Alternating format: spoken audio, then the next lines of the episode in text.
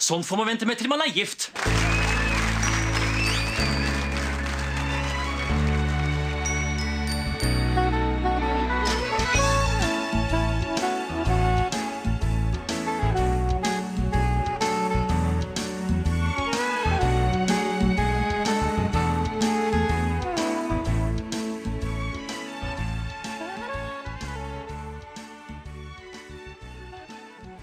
Hei, velkommen til en ny episode av Norsk film filmpodkast. Podkasten hvor vi ser norsk film og TV med et kritisk, men kjærlig blikk. Mitt navn er Emil, jeg sitter her som alltid med. Stefan heter jeg.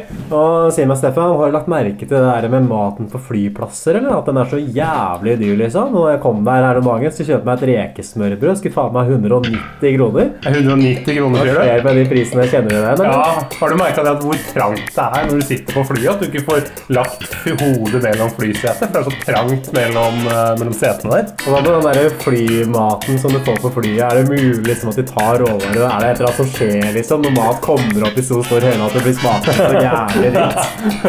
Ja, det er gjenkjennelig. Ja, veldig. Hva, hva er det du snakker om nå? Hva er det du vil fram til, Emil? Nei, det jeg var inne på nå, var vel standupen som en kunstform. Og jeg vet ikke, Stefan, hva er ditt forhold til standup-humor?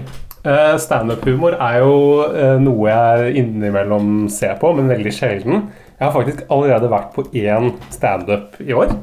Og det med den komikeren som jeg har sett flest ganger på standup. Og den komikeren er med i den serien vi skal se i dag. Lisa Tønne? Nei. Nei, eh, ikke Lisa Tønne. Men jeg kan kile litt. Jeg kanskje, kanskje tror vite etterpå. Hva er ditt forhold til standup, Emil? Uh, Standup har vært en sånn ting som jeg er eh, interessert i uten å egentlig anerkjenne at jeg er veldig lite glad i standup. Jeg blir fort veldig flau når folk liksom skal stå på en scene og skal være morsomme. Men litt sånn samme også, Jeg syns også det er veldig pinlig gjerne med sånn humorprogrammer som Nytt på Nytt, og folk liksom skal sitte og vitse og få folk til å le. At jeg er glad i å le og flire, men jeg foretrekker på en måte å lage min egen humor istedenfor å få den servert. Ja, for Du har jo sagt det at du kan bli standup-komiker på ett år og bli en anerkjent norsk standup-komiker. Bare hvis du hadde hvis du fått ett år på å trene deg opp, så hadde det vært nok for deg. Ikke anerkjent, men det jeg har sagt, er at jeg kunne, liksom kunne klare å overleve av standup på et år. Den nye kunne- Jonas Stømme. Jeg kunne tjent sånn 350 000-400 000 og bodd på en sliten hybel på Hamar og liksom så vidt fått å gå rundt med noen firmajobber og julebord. Hvorfor gjør du ikke det, Emil? Nei, si det. Kanskje du bare skal satse? Kanskje Team 10 der nå? Ja, jeg vet ikke, men jeg ble så veldig mer gira av standup-karrieren etter å ha sett det vi har sett til dagens episode, for det er nemlig Komikameratene. Fire av Norges beste komikere er samlet for å lage det ultimate humorshowet. Sturla Berg Johansen er skuespiller, komiker og har vært programleder for noen av de største TV-showene i Norge. Rune Andersen er en mester på imitasjoner og parodi, og han har flere kritikerroste soloshow bak seg. Jonas Kinge Bergland er lege og regnes som en av de mest talentfulle komikerne innen norsk standup. Han har bl.a. vært nominert til Stå opp-prisen og vunnet humorkonkurransen Komiidol. Tommy Steine står bak ideen til Komikameratene. Han er tidligere kåret til årets standup-komiker og har 17 års erfaring som både sanger, artist, programleder og komiker. Sammen skal de bli Komikameratene. Det hele skal ende opp i et spektakulært show på Latter i Oslo. De har alle hatt suksess på hver sin scene. Nå må de lære seg å jobbe sammen. Og som en del av forberedelsene reiser de derfor på turné gjennom hele Norge.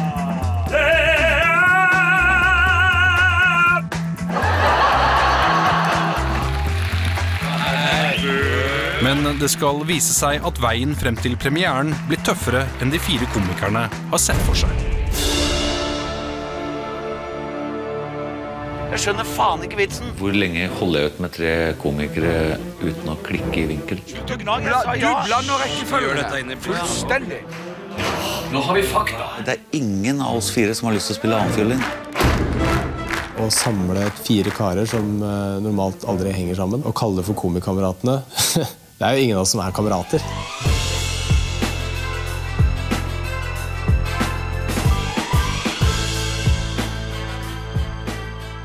Ja, og, for de som ikke kjenner Komikameratene, så er det et konsept hvor eh, fire norske av Norges beste standup-komikere slår seg sammen og skal danne en slags sånn komitrupp. Hvor, alle, hvor de reiser rundt i Norge med et felles show. Eh, og da har vi Tommy Steine, Sturla Berg Johansen, eh, Rune Andersen og Jonas Kinge Bergland. Og Jonas Kinge Bergland er den komikeren som jeg har vært på standup med flest ganger. Er det, To ja. ganger. Hva syns du om eh, Bergland? Eh, overraskende bra. Jeg syns han eh, faktisk han, det, er, altså, det er god standup. Jeg har ingen av gangene Jeg har blitt invitert med begge gangene. Det skal sies. Det er ikke noe jeg har funnet på selv. Men jeg syns, jeg syns faktisk jeg fikk noe ut av showet hans. Så for all, alt Altså all respekt til han, men, for en, men en sjanger som jeg heller ikke liksom greier å sette sånn veldig stor pris på. Det er noe med det der når folk sier at du skal le. At nå skal vi ha det moro dere. Sett dere ned her. Benk dere liksom Stand Norges lokale bak i Brygge. Og så skal vi ha eh, to timer hvor vi bare sitter og koser oss. Det blir litt sånn tilgjort. Er ikke du så glad i å kose deg på kommando? Jeg, ja, jeg vil finne min egen humor. Jeg vil le når det passer meg. Ikke at andre skal le, og så må jeg føle jeg meg dum fordi jeg ikke ler. Vi kan jo kanskje si litt mer om disse figurene, Ja. hva slags forhold vi har til dem. For Sturla Berg Johansen han er vel kanskje liksom mainstream-stjerna av disse her. Er liksom skuespiller, i hvert fall sånn som jeg kjenner han først og fremst. Kjent fra TV-programmet og Deal or No Deal, som gikk, var et gameshow som gikk på TV Norge. Og så har du Rune Andersen. Han er mest kjent som en sånn imitatortype. Gjør eh, parodier. Per han, Sundnes Hellstrøm. jeg føler kanskje at Rune Andersen tapte seg litt da Christian Valen kom på scenen. At uh, Rune Andersen eh, liksom hadde det der imitatorgamet på lokk, og så kom Kristian Christian Valen og utfordra hans hegemoni. Uh, du har Jonas Bergland, som er vel liksom en litt sånn kul, uh, mer sånn ironisk standup-type. Liksom Ja. nye generasjonen, røffere type komiker. Som du skjønner, er sånn IQ-smart type. Det er lege. Liksom, han er sånn er liksom, han, er, han, er, han har sikkert høy IQ. Så liksom, og en, kanskje en, en fremmed fugl da, i den gjengen her. Han er mest ukjent av dem, ja. Ja, for no, Den siste er jo kongen av alle disse her. Det er jo Tommy Steine, som er kjent for sånn Han var med i standup en tidlig fase på 90-tallet. Lagde sånne dørvaktparodier. eller Liksom latterliggjorde dørvakter og sånn alminnelige ting. Kjent for å være litt sånn Mange syns han hadde veldig slem humor. Uh, og Da kan man jo spørre seg om f.eks. Rune Andersen og Sturla Berg Johansen har så hyggelig humor. Men, men han er kjent for å være en en litt sånn, sånn uh, breial, litt sånn selgertype for meg. Altså kunne En sånn type sånn bruktbilselger. Ja, Tommy Steine er vel kanskje sånn Norges mest kontroversielle og for meg i hvert fall virker som mislikte komiker. Ja. Det er kanskje Ørjan Burøe som har tatt over den kronen etter han. Eh, Tommy Steine kan jo være sjeleglad for at Ørjan Burøe kom inn. Og- Tommy Steine, liksom, eh, Atle Antonsen snakka dritt om ham i sånn her Natt og Dag-intervju og sa liksom at han er enda døvere som menneske han er som komiker, og det sier litt. Så han har jo vært en slags sånn paria i det norske humormiljøet, virker jeg. For at Tommy, det som er med Tommy Steine, er at han er så ekstremt lite kul. Ja. Og, og ve- men samtidig veldig opptatt av å være kul. At han Han, eh, han, han er Det, det som er fascinerende med Kinge Bergland og Tommy, Tommy Steine, er at King, eh, eh, Tommy Steine vil være en Kinge Bergland, virker det som. Men han er ikke det. Han blir liksom den derre den, Men du ser at det liksom er Han prøver så hardt, men så er, det, så er han ikke så veldig kul likevel. Men det kan jo være veldig sjarmerende, det òg. Ja, vi får se. Eh, Tommy er jo i hvert fall initiativtaker til hele dette Komikamerat-konseptet. Som dreier seg om å liksom samle disse fire, og så skal de lage et fellesshow på Latter i Oslo, den kjente standup-scenen der.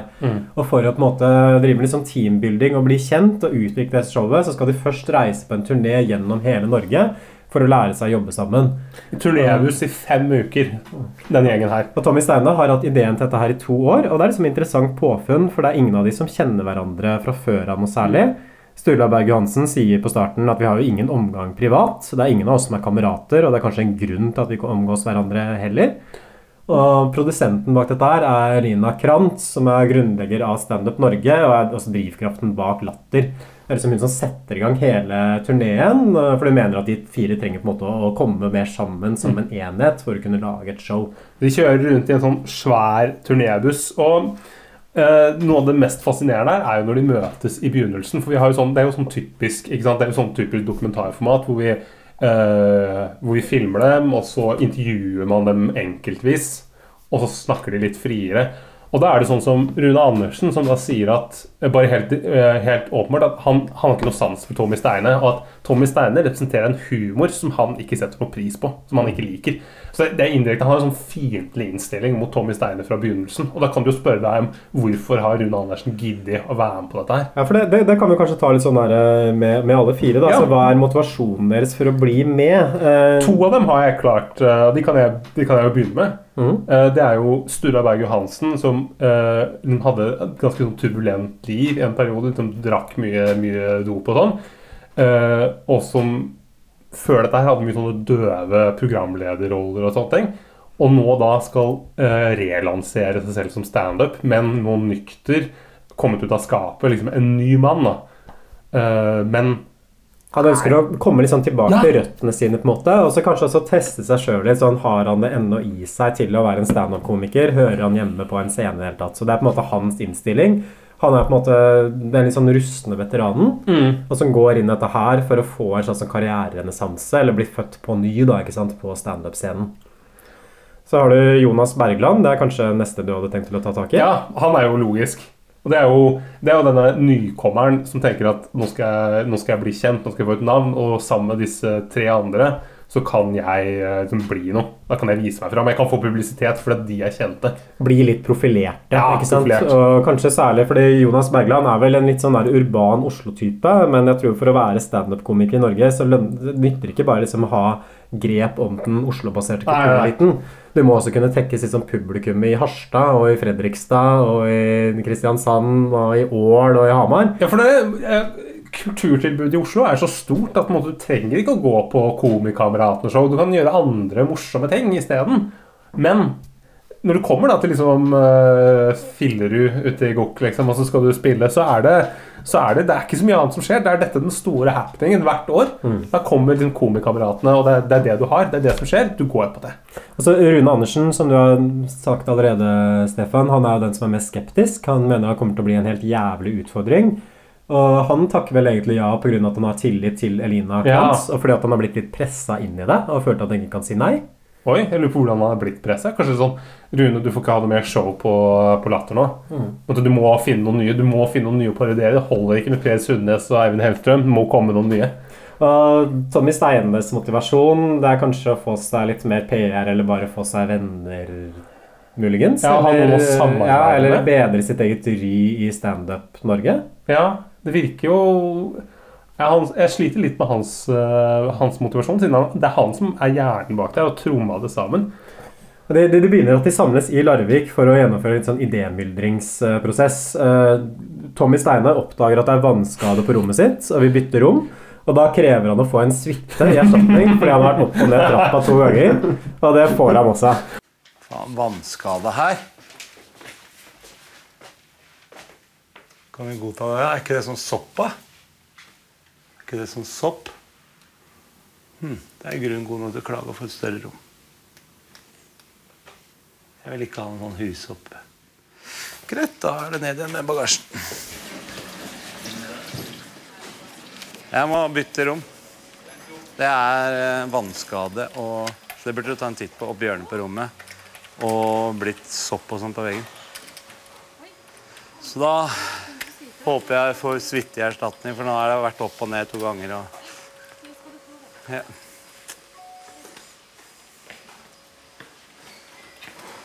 Det her er bare rett og slett å, å gjøre hotellet oppmerksom på, så de kan bli ytterligere bra. Ja, ok. Sånn at de blir flinkere etterpå, ja. Ja. Altså, Alle rommene på det hotellet her er dritfine. Så å begynne å grine seg til å få en suite, det blir jeg sånn Ja, ja. Det interessant. Han, han, han, gir kanskje ikke så beste førsteinntrykket til resten av gjengen, for han framstår litt sånn primadonna-aktig. Bergland sier at han er bortskjemt. Eh, Hva syns du om det, Stefan? Syns du det er legitimt å klage i den situasjonen der og kreve å få en suite? Når det er noe sånn, det er ikke engang fuktskade, det er noe sånn der, eh, litt sånn byggskum. Ja, det er- det er mugg- er på veggen. det er byggskum. Det er noe byggskum. Uh, og Tommy Steine sier også at han, han tar liksom såpass cocky at når han kommer inn i den nye suiten, så er det sånn ja, eh, Vanskelig med suite er jo hvilket rom du skal oppbevare bagasjen i. det, det er liksom Vet ikke, jeg, jeg, jeg merker at jeg får med en gang sansen for Tommy Steinar. Fordi dette her dette er sånn vi trenger i den norske offentligheten, som er liksom litt sånn strigla Vi trenger noen som bare er litt sånn Litt sånn cocky og bare Altså bare er litt drittsekk, da. Så jeg, jeg syns det var primadonna, men det er også en del av meg som bare tenker at, at jeg heier på Tommy her. Jeg tenker at det er legitim klage, for jeg jeg mener også at det var mugg på. Rett i det. Altså, og hvis man kan på en måte bruke det for å få seg en suite med kamerateam på slep, så hvorfor ikke? Ja, For det ville du garantert gjort. Ville du ikke det, Emil? Nei, jeg ville aldri i verden det. ville jeg stått sånn innbygga rom hvis jeg måtte det. det Jeg har klaget på rom flere ganger. jeg. sitter veldig langt inne for meg å klage. Eh, og så går det videre til dette her idémyldringsmøtet, da, og Tommy har masse forslag til ting som de burde gjøre. Han vil bl.a. skal komme inn og synge firstemt, og det blir avvist nesten med en gang. Men har veldig mange andre ideer også. Blant annet så vil han gjennomføre et sånt dansenummer. Og de andre har jo ikke kommet til dette møtet her med klare ideer og følt seg litt sånn satt ut, utestengt fra prosessen med en gang. Vi var vel tre som sitter rundt bordet der og er rimelig uforberedt. Uh, og så er det en som er veldig forberedt. Er det Tommy-show, dette? Eller er, det, er vi fire komikamerater? Og så ringer vi i den seansen også. Ikke sant? Ja, kan være. Det er i hvert fall en idé jeg hadde, det òg, da. Det, ja. Det er bryter. Jeg har ikke tenkt på rammen rundt det, da. Det er kjempefint at Tommy har masse ideer, men han gir ikke noe plass til andre i det hele tatt. Dette prosjektet er nok veldig, veldig viktig for han, men eh, Men det tar nok Jeg tror i hvert fall for min del så tok det litt luven av, av det jeg skulle trodde jeg skulle være med på. Så har jeg forslag til. Og da kan jeg faktisk danse to takter av den derre Everybody shuffling. Når vi sitter her oppe nå, og alle ideene kommer på bordet, så sitter jeg og jobber veldig med meg selv og um, sliter med å komme og, og kneble alle de kommentarene som jeg har lyst til å komme med. Så sånn, Dette er ikke noe gøy. Dette er ikke noe morsomt. Dette kan vi ikke gjøre. Vi kan ikke få folk til å betale penger for å se på de greiene der.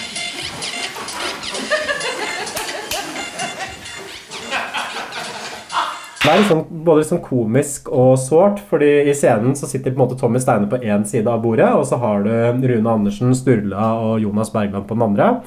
Og er det sånn sårt øyeblikk også hvor Tommy Steine står liksom og danser og fjoller og demonstrerer det nummeret han har tenkt å ta for dem, og de andre sitter bare og ser ned og stirrer i skjermene sine. Veldig sånn demonstrativt. Også, og da tenker jeg jo at uh, min erfaring da, fra, liksom, eh, fra privat og offentlig næringsliv, det er at eh, når man kommer på møter, så er man forberedt. Man skal ha noen ideer på blokka. Sånn er det liksom i journalistyrket. Sånn er det overalt. Du kan ikke komme til Farris bad og så bare sitte der og så ikke ha noen ideer, og så sitte og klage på det Tommy leverer. Tommy kommer jo med altså, 20-30 ideer minst. Du kan ikke si at du blir satt til side da fordi du ikke har noe å komme med. Da har du ikke forberedt deg godt nok. Ja, det, det er et poeng at de har ikke gjort hjemmeleksa si, men i deres forsvar da, så kan det hende at de har tenkt seg at dette skulle være en litt mer sånn samarbeidsbasert prosess, at de skulle jobbe frem ideer i fellesskap. Ja, Man kan jo jobbe frem ideer i fellesskap, men man må jo ha noe å komme med. bare sånn, Kanskje vi skal gjøre sånn, og så kan man, kan man jobbe Du må ha noe å jobbe med. Du kan ikke, du kan ikke spille fotball uten ball. Du, må, du må ha noe. Du må ha noe å begynne med. Jeg er enig i det. Det er greit å ha et utgangspunkt. Ja, jeg synes det er arrogant. Eh, Jonas Bergland synes jo ikke det er morsomt noe av dette her, og han liker ikke parodier heller, og det blir jo et problem, fordi det er jo hele greia til Rune Andersen. Eh, igjen så er Jonas Bergland en veldig sånn klassisk standup-komiker, liksom. Kul type som kommer ut med pilsen, mens de andre har litt mer sånn revyaktig humor med sang og dans og publikumsfrieri. Og Jonas Bergland sier det at han føler at han har ikke noe å tape, for den er ikke kjent fra før av. Og folk kommer ikke til å stille spørsmål om hvorfor han gidder å være med på et sånt jalla opplegg. Det er en stor sjanse for meg, men det er et skritt tilbake for de, for de andre. Mens Rune Andersen han syns det blir for ustrukturert og uprofesjonelt, at de har for dårlig tid til å forberede seg. Men Sturla sitter liksom som en sånn distansert observatør til det hele og melder seg ut nesten umiddelbart. Dette her blir jo litt sånn typisk også for dynamikken mellom Ja. dem som utover i serien, egentlig. At man ser det allerede her i første episode. Dette her er på en måte konfliktlinjene som de kommer til å slite med. da. Tommy Steine som dominerende, og de her som da ikke ikke kommer med noen ting. Og så er det jo og så er det også en veldig sånn tydelig sånn skille her mellom Du har Rune Andersen, Tommy Steine og um, Stulla? Stulla som en gjeng, og så er det han Jonas Kinge Bergland som er helt utenfor, som en helt, en helt annen type. Så Man skiller seg veldig fra disse tre andre. Folkets kom, eh, komikere.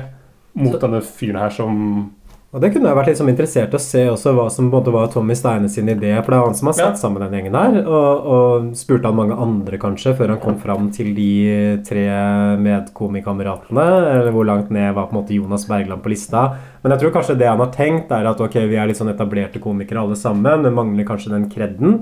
Jonas Bergland representerer på en måte den nye vinen Ja. innenfor norsk humor. Så han kan på en måte gi dette prosjektet vårt en eller annen slags sånn kredibilitet. Ja, og- Som man ikke får med meg, Tommy Steine, liksom Norges mest harry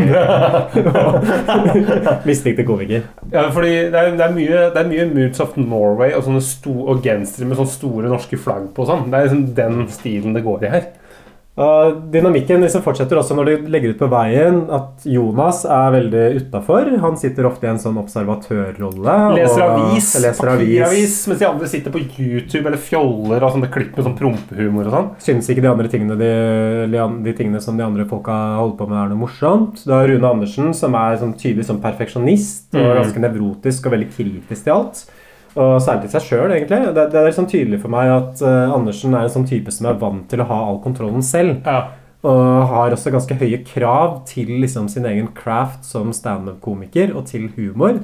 Og føler seg frustrert, for han syns ikke at prosessen i forkant blir god nok. Det skulle du ikke tro når du ser den humoren han leverer. Nei, men det, det er sånn der, for eksempel i første episode, for det, da, da spiller det sånn der show i all for en halvfull sal, og der er det veldig mye sånn stress backstage, fordi Rune må ha på seg sånn Lahlum-parykk og skal gjøre en Hans Olav Lahlum-parodi. Han må ha hjelp til å få den på innimellom numrene, og så er ikke han Klaus, han Proddasen, til stede for å hjelpe ham.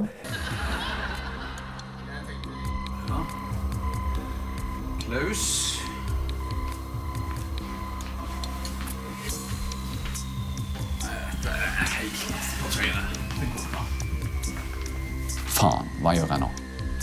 Han er ikke her. Jeg aner ikke. Jeg får prøve sjøl. Og det visste jeg ved meg sjøl at det går ikke. Jeg kan fortelle litt mer om meg sjøl. Jeg er fra et lite u-land rett sør for Oslo som heter Holmlia. Noen som har hørt om det? Nei, det er ganske kjent i hele landet uansett hvor folk spør hvor det er fra. Så sier jeg Holmlia, så får folk okay, trenger å forklare mer. Eh, Klaus, kom an. Du må være her når jeg kommer, altså. Eh, Jonas Bergland gjør et sånt halvgreit standup-show som han ikke får så veldig mye respons på, men føler seg veldig sånn demotivert etter han går av scenen. Men eh, forestillingen blir liksom en sånn suksess totalt sett, da, og de blir på en måte motiverte for å fortsette eh, med turneen. Men utover så blir det jo mer problematikk, fordi nå må de jo ut og fly. Ja. Og det er et problem for en av dem. Ja, og det er jo uh, tøffingen Tommy Steine. Som, han vil ikke fly. Bare, han må, eneste, eneste som kan få han til å fly, er hvis han får sitte sammen med piloten. I kabinen, ja. Foran i kabinen. Uh, vi skulle tro at dette var før 2001 og flykrasj og allting, men nei da. Tommy Steine får faktisk sitte foran SAS-flyet på vei til Tromsø. Men Som et barn? Ja, som et lite barn. Måte, han er uh, han er litt sånn ufordragelig. Han er som en sånn drittunge. fordi når han kommer, når de skal ta fly videre fra Tromsø, så får han ikke sitte i cockpiten. Hvis ikke Tommy blir med flyet, er det usikkert hva som vil skje med kveldens forestilling. Komikameratene blir da tre og ikke fire. Vi har faktisk ingen alternativer hvis vi skal klare å kjøre forestillingen i kveld. Han ringer jo ikke.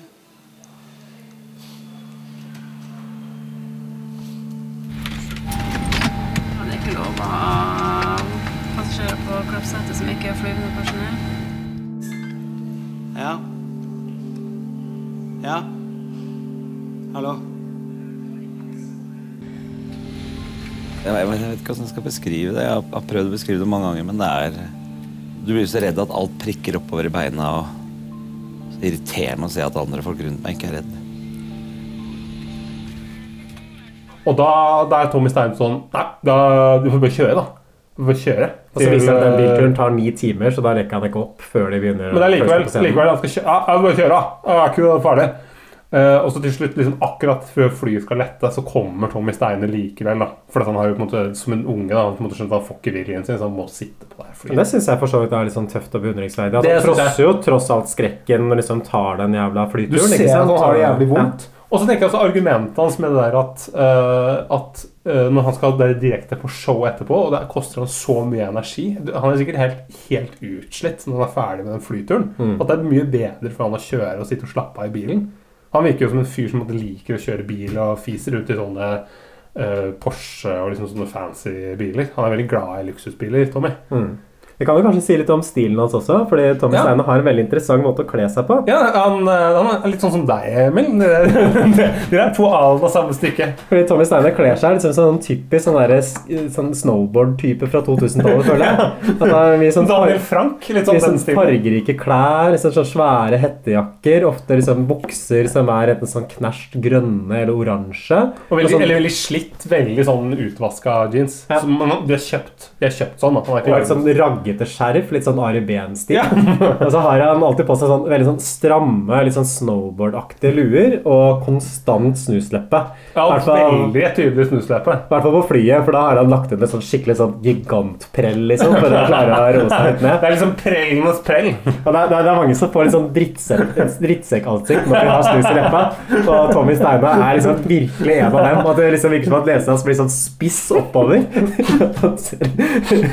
Men tror du, tror du det er derfor at han har et ry på seg for å være en drittsekk? For han har drittsekkstilen? Altså, Nei, alt i nok- stilen skriker drittsekk. Jeg tror nok uh, det er andre ting enn som så. Altså. Uh, det er liksom Hele den flyhistorien ender opp med at de mellomlander i Halta, og så Tommy Steiner går av der og kjører opp resten av veien.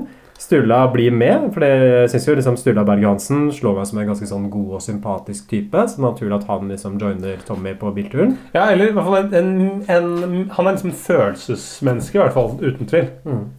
Og så blir det et ganske slapt show. At gjengen er veldig slitne, publikum er vanskelig, og det blir også litt sånn drama mellom dem backstage. fordi før de skal liksom ut på scenen alle sammen og ha et sånt avslutningsnummer, så drar Tommy Steine ut standup-showet sitt langt over tida de egentlig skal bruke. Mhm. At de har fått ti minutter hver, og de andre liksom har holdt seg innenfor den rammen, mens Tommy Steine ender opp med å bruke nesten 20 minutter. da. Altså dobbelt så lang tid som det han egentlig skal. Og de, du, du ser liksom de tre andre stå liksom og vente på at det skal bli ferdig. De blir mer og mer irriterte, og så bestemmer de seg for å bare kutte ned avslutningsnummeret. Og da blir Tommy veldig irritert over det. Mm. Det dårlig stemning backstage. Vi var på overtid, så da Dro vi det Herregud, det var ja. Hva er det som tar sånne avgjørelser, det? Nei, vi tok de sammen.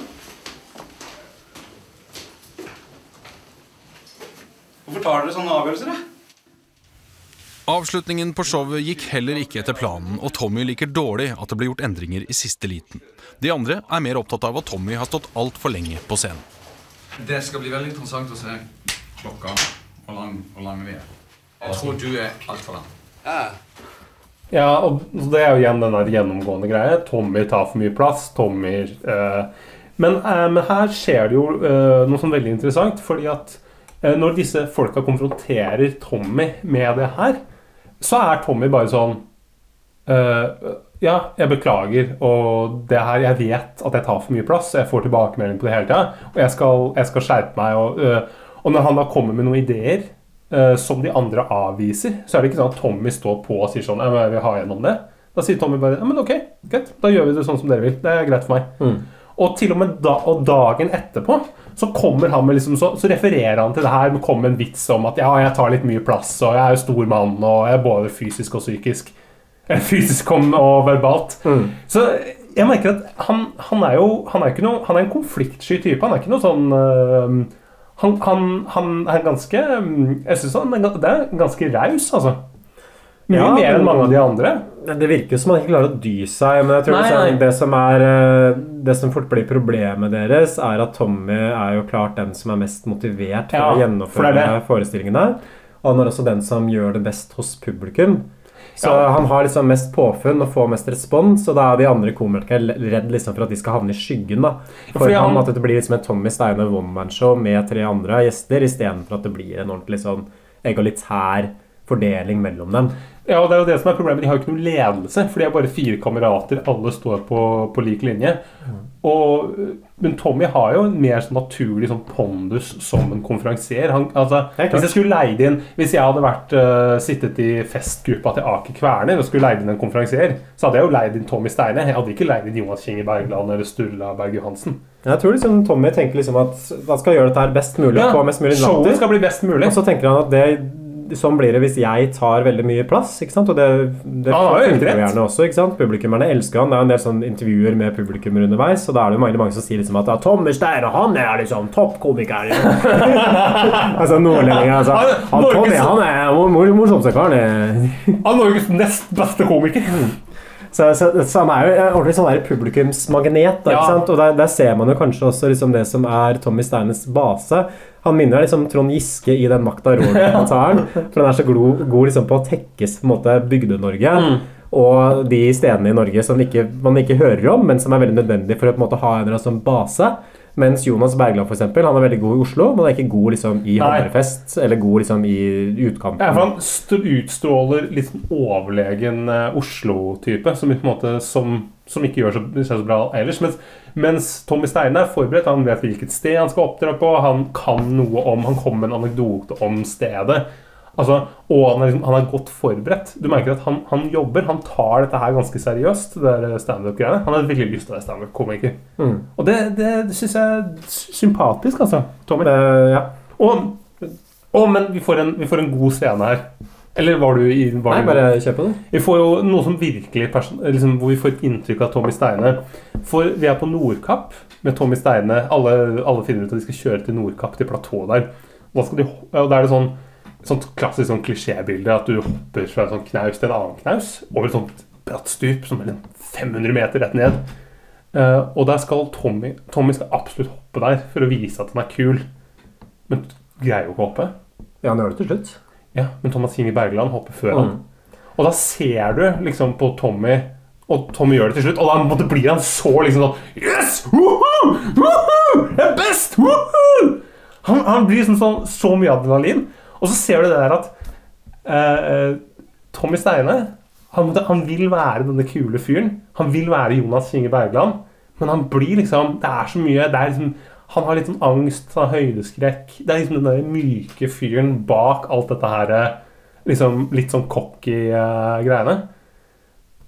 Og det er, jo derfor folk elsker Tommy. ikke sant? For du ser det er, det er liksom, Han har denne den sympatiske, liksom sånn uh, brautende framtoningen. Men innerst inne, langt bak der, så ser vi en, en litt sånn sårbar fyr. Ja, Han er jo hele Norge, som vi snakket om liksom allerede i første episode. ikke sant? Hvorfor er Aksel Hennie Norges mest populære skuespiller? Jo, Ja. fordi han er underdog. Ja, og det er Tommy? Steine òg. Ikke spesielt, ikke spesielt sånn ikke Litt sånn uh, Er ikke pen, har ikke slang. Han er ikke kul. Nei, men har en, har en utstråling likevel, og på en måte bruker alt han har. Han, han, han jobber for det. Mm. Han får ikke noe gratis. Og dette her er jo litt sånn referanse til den famøse episoden da Tommy Stein var på 71 grader nord. fordi Ja. der er det en sekvens hvor han skal prøve å komme seg opp en eller annen fjellskrent. Og så Tommy Stein har også veldig høydeskrekk, i tillegg til den flyskrekken. Hvor han ender opp med å få et sånn panikkanfall og må avslutte serien egentlig kort tid etterpå. Så han skal på en måte overvinne denne angsten da, ved å hoppe mellom disse Ja. fjellskrentene. Jeg syns igjen det er tøft gjort, da, ikke sant? sammen med det at han velger å ta det flyet. Mm. Men det virker kanskje ikke som de andre er så interessert i å stå og heie han fram. For det blir jo Tommy aleine som hopper over, og så står han og jubler, og de andre folka står ganske langt bortenfor og tar noen bilder liksom av beskretten der.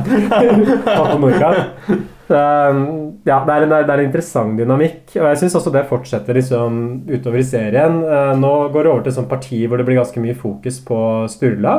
Mm. Uh, det første som skjer, er at uh, Sturla blir litt sånn satt ut når Rune Andersen kødder om legninga hans. Og han sier liksom at den offisielle årsaken til at han blir satt ut, er at han vil være den første til å diskutere det på scenen. At det er sånn bærende poeng liksom, i hans standup-akt. Mm. Og da føler jeg liksom at Rune Andersen blåste av kruttet for tidlig ved å ta den homogreia før han kom til det sjøl. Samtidig så har han sånn selvinnsikt på at det kan være noe annet som trigger det. Ja. Han sier også at han er liksom lei av humor. Han føler seg i dårlig form, han er ikke helt på. Og jeg fikk i det hele tatt veldig godt inntrykk av Sturla som person. Jeg syns han virker veldig sånn reflektert, jeg synes han virker fornuftig. Han er ikke for egosentrisk, han er omgjengelig. Men samtidig så er han også veldig veldig nevrotisk. da og, og Veldig er- nærtagende. Ja, nærtagende. Det, han framstår som noe lykkelig menneske, syns jeg. Han virker som en veldig sånn plaga mann. Og det, er, Mm. måte, du skjønner jo på en måte også at han har blitt liksom, At han er, har vært rusavhengig. Ja. Jeg kan på en måte skjønne det når jeg ser han og Jeg synes jo det, det er respekt at han ikke er det. Men jeg, ikke, jeg, jeg syns jo han er en pain in the ass. Jeg syns han virker som en utrolig slitsom fyr å reise rundt på med tur med. Og er jo, min, er jo den jeg sliter mest med av de kameratene. Er det sant? Det er min favoritt. Men det sier jo kanskje litt om forskjellen mellom din og min psykologi også. du trekkes til Sturla, mens jeg uh, En av oss trekkes til det mørke, mens du er mer sånn populistenes mann. av Tommy Steine. ja, for det er jo ingen tvil om hvem som er min favoritt. Men det er sånn morsomt også hvor Sturla Berg Johansen blir intervjua. For han sitter liksom i det som ser ut som en sånn liten og stusslig hybel. Det er sånn rotete kjøkken bak ham, og så står det en sånn boks med hurtigris framme på kjøkkenbenken. Jeg synes også liksom med, med den der fortiden av som rusavhengig at han har liksom det der klassiske alko- og kokaintrynet. Det er liksom han, og så har du Charlie Sheen, og så har han som spiller Chandler i Friends. Sånne der mørke menn som er litt sånn kjekke, men på en sånn drittsekkmåte. Det tenker jeg, og, og han Lundekvam også, han fotballspilleren. Det er en sånn kategori av menn som du ser at ok, du får kokainproblemer. Det ser, ut som at, det ser ut som en ballong som du har blåst opp, og så har du tappet ut liksom, en tredjedel av luften. Så den får litt sånne der skjolder og litt sånne eh, rare rynker. Ja. Sånn pløsete. Sånn dratt, klumpete. dratt ansikt. Og det blir også samtidig glatt. krangel øh, med resten av gjengen fordi de skal bli intervjua av Tønsberg Blad. det og da har er ikke Sturla lyst til å stille på det intervjuet fordi de har feilsitert ham eller et eller annet sånt. Ja, han, han snakker ikke med Tønsberg Blad. Mens gjengen pakker bilen, ringer det en journalist, og det oppstår uenigheter om hvem som skal stille til intervju. Jeg har et eh, eh, Et relativt anstrengt forhold til Tønsberg Blad. Uh, og derfor så vil jeg helst jeg, vil, jeg har ikke lyst til å snakke med dem. Nå må folk agere profesjonelt, og så får de drite i det de måtte ha agendaer og private ting og nykker mot aviser og møkk og lort. Skal vi, skal vi Men jeg gjør det jo. Skal vi markedsføre Rune, jeg sa det jo til deg Nei, hør på meg! Skal vi markedsføre de? Jeg Nå har vi sa til sjanse deg til å at gjøre det. greit, jeg gjør det. Vi hadde en enighet om det i Jeg sa til deg at Ja. greit, jeg gjør det. Og så fortsetter du å gnage. Vi hadde Det er grunnen til at jeg sier en nå er det faen i meg nok. går. Nei, for du begynte igjen Jeg og sa sa akkurat- Nei, jeg vil ikke. Sa du nå igjen? Du fortsetter å gnage, Rune. Jeg fortsetter å gnage fordi du nå igjen sa nei. Nei, men før det. Jeg Nei. sa greit, jeg blir med, og så sier du Så fortsetter du med primadonnaer og faen. Så tenker jeg Nei, slutt å gnage. Jeg sa ja. du blander rekkefølgen Gjør dette inne i bussen. Fullstendig. Folk står og ser på. Kom dere inn i bussen, da. Vi tar det der. Hvis dette er deres måte å drive dette prosjektet på, så blir det faen meg uten meg, altså. Jo, jeg gidder det ikke. Nei, det er faen meg nok, altså. Og så gjør de det likevel over telefonen i bussen, og så etter hvert så melder bare Stulla seg ut og ligger liksom med hodet over armene over setet. Mens Tommy Steiner så faker god stemning. Ja, det er så koselig på turné, vet du. Ja, nå skal vi liksom Kan ikke alle bare rope 'ha det' samtidig? Og så ser du sånn de tre andre roper sånn 'ha det bra', og Sturra ligger bare sånn med hodet i hendene. Er helt veltet. Og det, og det beste er, altså Rett før dette her så har de hatt en sånn skikkelig krangel ute på parkeringsplassen i Hammerfest by. Liksom Foran alle. Liksom alle, står, alle folka som går forbi, står og ser på. De skjeller hverandre ut. Og så kommer de inn i bussen, og så er det sånn Nei, vi har gruppeklem hele tiden. Og det er det beste jeg noen gang har gjort. Det er så god stemning. Og Vi er så gode venner. Det bare er, blir bare morsommere og morsommere, dette her. Og det, det syns jeg er noe av det mest fascinerende her. Fordi jeg har jo sittet eh, på andre sida her, eh, ikke mange ganger riktignok, men eh, liksom når det har vært nyhetstørke, og måttet intervjue og ringe til sånne show som har, hvor det er noen som F.eks. så kommer Vazelina-show eh, til jeg vet da faen jeg, Moss. annen- Ja, Moss. ikke sant? Og så må du, må du finne nummeret til, eh, til LR Vågan og så ringe opp og så spørre hvordan det går. og sånn men jeg ser jo de, de bruker jo media på en liksom, Det er jo en fascinerende del her. Hvordan de bruker lokalavisene til å få publisitet. Og hvordan det er så fake alt sammen. Og de dumme spørsmålene fra disse journalistene som kommer. Ja, det, det blir jo sånn tydelig sånn frontstage, eh, backstage-dynamikk. Det er bokstavelig talt, liksom. Og det er veldig mye også hvor de står og egentlig er ganske dårlig humør og plaga backstage, og så går de på scenen, og da er det bare fryd og gammen og smil, og alt er så morsomt, og vi er så gode venner. Så det er liksom fascinerende innblikk, den kontrasten, da. Men, og det, igjen, jeg syns det er liksom interessant også at de er villige til å være såpass ærlige som det de er i møte med kameraene, og såpass ufiltrerte. Fordi det er et milevis forskjell mellom hvordan man forbinder disse personene Ja. de framstår i serien. Og det er kanskje det som er mest interessant også. Og Nå er de ferdig med denne turneen i Nord-Norge, og så da blir det et litt sånn oppvaskmøte eller evalueringsmøte etterpå. Uh, Elina Krantz spør dem hvordan det har gått på turné, og så blir det en litt sånn tidlig pinlig stillhet. Og så sier vel de andre at de mener at Tommy Steine tar for mye plass. Mm. Og Tommy sier at han blir lei seg. Og det er litt morsomt det han sier i intervjuet også, for han liksom forklarer det slik. Det at eh, de tre andre syns at det blir veldig mye meg eller mitt show, eller sånt, jeg syns jo ikke det er noe gøy å høre. Hvis du lurer på hvordan jeg kjenner det inni meg når de sier sånn, så er det jo ingen som liker å høre det. Så jeg blir litt sånn lei meg, kanskje. Men jeg er nok en person som eh, er mye frampå. Og da sier det seg sjøl at da får du jo mye mer kritikk enn om du sitter som en likegyldig tosk i bakgrunnen og ikke sier verken ja eller nei. Ref Jonas Kinge Bergland, kanskje? Ja, eller Sturla eller Rune eller hvem som Og jeg er jo helt, er jo helt enig med, med Tommy der. For han tar jo mye du, Han får jo fryktelig mye negativitet på de tingene han gjør. Det er kanskje ikke fantastiske ideer, men de andre kommer jo ikke med noen noe ideer, de uansett.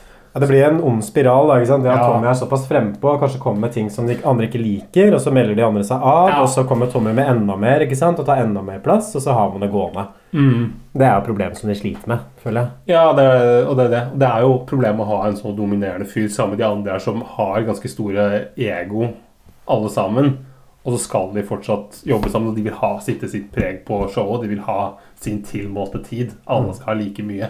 Jeg skal i hvert fall ikke ha noe mindre enn de andre. er vel Men samtidig, hvis det ikke hadde vært Tommy Steine, så ville ikke de sitte i samme rom. i det tatt, ikke sant? Hvis det hadde vært de tre andre, så hadde det ikke blitt noe av. Nei. Så man trenger jo Tommy som den samlende kraften ikke sant? som driver dette her framover, og som vil noe med hele prosjektet. For det er, det er det jeg tenker også for meg hvis jeg hadde sittet i rommet der. eh, og jeg har respekt for folk som organiserer ting.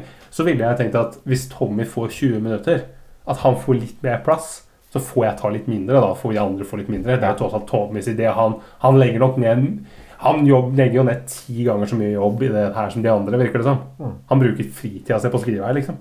Mens de andre bare kommer på møte. Men det er ikke bare Tommy som har ideer. Produsenten har også en idé. Om de vil kjøre en sånn gag på den Ring meg-låta til eh, Gabriella, med liksom ulike kommunikasjonsmetoder fra opp gjennom historien.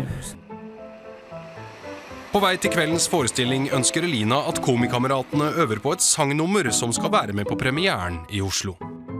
Nå skal vi lage gøy show. Er vi enige om det? Kult. Det er da denne Ring meg-ideen, hvor vi da går tilbake i tid og snakker om hvordan de kommuniserte før, ikke sant? Det er kanskje ikke så lett å høre dette, da. Hvor mye dritt må jeg tåle? Det var en ting jeg skulle visst. Hva faen skjedde med bålet? Jeg har jo ikke sett en sky siden sist sendte jeg et røyksignal. Flammer foran nord, du måtte der bålet og tenn meg. Røyksignal, du vet jo hvor jeg bor. Du hadde nok det da jeg for. Så mors meg, trykk i foran nord. Vi kan apparatet og mors meg. Jeg er sånn himmelfallen at de folka her jobber med humor. Liksom. Jeg bare, det går faen ikke. Så kommer vi nærmere i tid, ikke sant? Faks meg, skann jeg foran Så har vi kommet helt til i dag da, med Facebook og den slags moderne opplegg. Nå har du logget av chatten, og antall venner har gått ned siden sist, så poke meg. Legg meg til som venn, skriv på målet og poke meg. Poke meg, legg meg til som venn, du vet ikke på musikk etter menn. Å, det er gøy. Så først er det sånn Røyksignal meg, flamme foran ord, ta opp det der bålet, røyksignal meg. Og så er det morsekode meg, fakse meg, og så går de liksom over til sosiale medier, og da er det poke meg, handling foran ord, logge opp på Facebook og poke meg. Du Det er utrolig lite morsomt. Ja, du, synes, du satt ikke og lo i kostolen da du fikk det der? Nei, og Jonas sier jo liksom at han er helt himmelfallen over til andre folka der faktisk jobber med humor i det hele tatt. Ja, akkurat det jeg tenkte da jeg så det Noe sånt som dette her. Uh, For det, det er interessant, det innblikket her du får i liksom hvor, hvor, liksom, uh, hvor amatørmessig ting bare snekker sammen. At på en måte er, Vi bare tar noen sånne plankebiter og spiker som ligger i en krok, og så lager vi noe humor ut av det. At det, på en måte, det, er, så, det er så utrolig hjemmesnekra og Ja, det er jo ting folk liker òg, ikke sant? Så det, det er på en måte det som er dilemmaet her, særlig for uh, Bergland. Da, for det er liksom åpenbart at han syns at dette her er flaut å være med på. Mm. Og så blir det veldig vanskelig for ham å si noe når alle andre er så positive. Ja. Og så til, Alle andre sitter og bare liksom smiler og ler, og ja, dette blir kult, og liksom begynner å øve igjen. Og så til slutt så sier han liksom fra at dette her er ikke morsomt i det hele tatt. Og da får han beskjed liksom av Tommy Steine at hvis vi skal gå nå så bredt ut som det vi ønsker å gjøre, så må du svelge disse kred-kamelene deres. Det har han jo egentlig Liksom. rett i. Ja, ja, for du ser jo på publikum på de stedene de spiller. Det er jo mye gamle folk, først og fremst, og ganske sånn lite urbane typer. Ikke sant? Det er jo ikke Bergland sitt publikum. Ikke sant? Og, hvis han, og igjen så er det det at Norge er et for lite land til at man kun kan tjene penger på kultureliten, eller på Oslo-eliten. Du må på en måte kunne tekkes eh, Ola Dunk, liksom, fra Drammen for å kunne ha en karriere. Og så er spørsmålet sånn Hvor langt er du villig til å gå med din Mm. kunstneriske integritet i anførselstegn for å kunne liksom tekkes det publikum? For det er jo anførselstegn. Og det, er jo, øh, og det som også er her, er jo at øh, Jonas Inge Bergland burde jo ha litt respekt for disse andre som måtte ha vært i GM i mange år og skjønner liksom hva de skal ut i. Han er, han er skårungen her, som kommer uh, måte er nykommeren. Han, han burde uh, ha litt tiltro til disse her. Mm. Måtte bare holde seg litt i bakgrunnen, tenker jeg. Det er en sånn scene også hvor han prater piss om de andre til eh, Sigrid Bonde Tusvik og Martin eh, Beyer-Olsen. Og så sier han som intervju at han ikke ønsker å bli assosiert med Tommy Steine og Sturla Berg Johansen og Rune Andersen. sånn egentlig. Altså, jeg lurer liksom, Hvorfor har du blitt med da? liksom? Hvis Ja, du ikke det- ønsker å bli assosiert med dem, så hvorfor har du på en måte klistra trynet ditt opp på en turnébuss og skal spille på Latter? Ja, og Der kommer jo Sigrid Bonde Tusvik med det smarteste du noen gang har sagt. Og, måte, og sier akkurat det at uh, Hva trodde du det her skulle bli? Liksom, du er med folkets komikere. Sturla og Tommy og den gjengen der. Dette her var jo det du gikk inn i. Ja. liksom. Sen, det var det du signa opp på. Hva er det eh, Jonas Kinge Bergland tror her? Mm. Hva er det han tenker, liksom? Og det, det, det føles jo særlig som på det showet som de skal ut i nå, da, som er på Kolbotn, som er rett ved der hvor eh, Jonas Inge Bergland kom, på, kom fra. Det er veldig sånn flau åpning på showet. Han er veldig nervøs, han blir heller ikke fornøyd. Han møter noen venner etterpå som forteller at det var litt sånn pute-TV. Og så møter han foreldrene sine og bare 'Ja, det var kjempebra, vi er så stolte av deg, Jonas'. Men det, det var ikke noe godt show, liksom. Ja, og Og alle blir- skjønner det. Alle skjønner det, at det ikke var ikke noe godt show. Mm. Tenker også at Prisen på standup-billetter har gått uh, veldig opp. For det, Da kosta det 350 kroner å gå på standup. I dag så er det sikkert det dobbelte Mm. for en standup-billett. Nei, det må jo bli levebrød for de folka som holder på med det òg. Så Ville du betalt 350 kroner for å se Komikameratene? jeg ville ikke betalt 150 kroner engang, tror jeg. Jeg ville nok betalt 350 kroner for å se det. Etter jeg har sett dette her, så ville jeg betalt 350 kroner, ikke, ikke før. Eh, Det er så morsomt der, fordi De bestemmer seg for at de skal sove i bussen selv om de har holdt showet i Kolbotn, og så skal de til Drammen. Og alle disse folka her bor i Oslo, så de kunne jo sovet hjemme. Ja, ja, ja. Men i stedet for så parkerer de bussen midt mellom Drammen og Oslo. Ja, sånn og så sover, de, så sover de der. for en sånn Statoil-stasjon rett ved, Lier der. Og det er, jo, det er ganske dårlig stemning. Jonas Inge Bergland vil i hvert fall ikke være med. Jeg tror Sturre er litt sånn som så, men de andre er jo Sturre, ja. Mm. Og jeg syns jo Rune har tødd opp litt. Rune Andersen, som i begynnelsen hadde liksom eh, Det var mye, var mye konflikt, og liksom med det perfeksjonistgreiene. Han er litt mer i bakgrunnen og mer sånn mer rolig. Ja, altså Sturla liksom, han fortsetter jo den ferden ned i det som egentlig virker for meg som en sånn klassisk utbrenthet. Uh, han har et sånt intronummer sammen med Tommy, og så Mm. reagerer han igjen på at Tommy tar for mye plass. Og jeg tror liksom Det handler om at han er litt sånn utbrent av hele humoren. Han har ikke Ja. overskudd til å skrive vitser. Han vil ha mer fri. Og liksom gjentar dette her en gang til, at det er grunnen til at man ikke omgås. Han sitter jo og smiler i intervjuene, men jeg syns det virker som at han har det veldig vondt. da. Og jeg tror det, det det handler om, at han føler ikke at han klarer å levere på det nivået som det i hvert fall Tommy Steine gjør. Nei. sant? Dilemmaet er at Tommy Steine får mye mer kontakt med publikum, får mye mer latter enn det Stulla gjør. Og så føler ikke Stulla at han klarer liksom å ta å komme seg opp på samme nivå som Tommy Steine opererer Ja. på. Og istedenfor så mener han da ja, må bare stryke hele nummeret, for det funker ikke for meg. liksom. Så Nei. man ofrer jo showets kvalitet for at han skal ha det bra. Ja, og det, det er det jeg syns er sånn der, uh, crybaby for meg. At jeg, jeg skjønner at han har det vanskelig, men du kan da, uh, Enten så må du bare si at vet du hva, jeg må bare melde meg ut, eller så må du bare svelge de der uh, kred-kamelene. Ja, Hvis man ikke klarer å prestere på det nivået, Ja. så får man bare si at ok, men da er spillet liksom andre Ja, fiolin her, og så får jeg være supporting character, og det, det er greit. Ja, da må jeg være hans han som gir telefonen til Tommy. For han, han, vil jo, han vil jo ikke Han vil ikke være en sånn der wingman som på en måte hjelper uh, Serious Man, eller hva faen det heter. Som, på en måte, som uh, er en slags oppvarmer for Tommy Steine. Han vil heller ikke være stå på lik linje med Tommy Steine og gjøre impro. Så han vil jo ingen av delene. Så det blir jo sånn det blir jo for alle andre rundt veldig sånn forvirrende. Hva er det du egentlig vil? Mye fram og tilbake her. Ja, måte, du, er jo, du er et voksen menneske, du har gått med på det her. Da burde du kanskje ikke, burde, må du kanskje bare kaste en håndkle og si at du ikke kan være med. Og han, han, er jo sånn at Når han ligger i bussen, så sier han sånn at uh, uh, hvis det fortsetter sånn, så kommer jeg til å havne på Ullersmo. Mm. Og ja, jeg blir, sli, jeg blir sliten av Sturle. Han skulle nok ikke vært med i det hele tatt. Og det blir mye frem og tilbake her også. Fordi først så bestemmer de seg for å drite i den introen, og så blir det for lite innhold i programmet. Og så sier liksom Sturle at ok, men da tar vi introen likevel. Ja. Men da er det kun du, Tommy, som improviserer, og så er jeg mer sånn konferansier og programleder. Og det blir jo sånn rart, fordi problemet hans i utgangspunktet var liksom at Tommy Steine tok for mye Ja. Og nå får han jo all plassen, ikke sant? som har blitt gitt til han av Sturla sjøl, Mm. som hadde problemer med utgangspunktet. Og etter, eh, De har sånn evaluering etter showene, og da blir det jo krangel mellom Tommy og Rune og Sturla. Eh, Sturla sitter liksom aleine, Tommy og Rune på den andre siden, og Jonas Bergland bare melder seg ut og sitter og ser ned i bordet. Det blir veldig mye sånn 'jeg sa det', 'ja, men du sa det', men du sa det først'. Mm. Litt sånn dårlig kjærestekrangel, hvor de bare krangler om liksom hvem som har rett. Istedenfor å krangle liksom om faktiske situasjoner og faktiske problemet. For de går jo aldri inn på det, men, men ut ifra den krangelen så er det jo tydelig at Sturla ikke har rett. Fordi Sturla sier, uh, sier først til Tommy at uh, 'jeg syns du tar for mye plass'. Så Tommy sier at ok, men da, da må Da tar jeg mindre plass. Ja, tar jeg mindre plass, Så står vi begge på scenen, og så gjør vi improlovet. Rett før showet så kommer Sturla og så sier at nå vil jeg bare være en slags konferansier, og så kan du eh, improvisere, altså gi deg telefonen.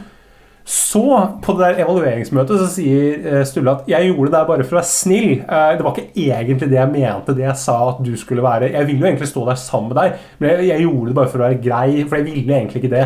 Og det er sånn, men hvordan faen, vi, vi, vi vet jo ikke hva som foregår inni huet. Hvordan skal Tommy og Rune og sånn vite hva Sturla Ja, det, det, ender jo, er jo helt forvirrende, liksom. Det er jo, hvordan, hvordan skal du forholde deg til dette her? Dette det er ender jo nesten opp i en, en, en fysisk konfrontasjon ikke sant? mellom Ja. Rune Andersen Oi. og Sturla Berge Hansen. Uh, Rune Andersen reiser seg opp og sier at eh, sånn her vil ikke jeg bli snakka til. Nei, med fingeren oppi fjeset. Ja, liksom ja. sånn helt uh...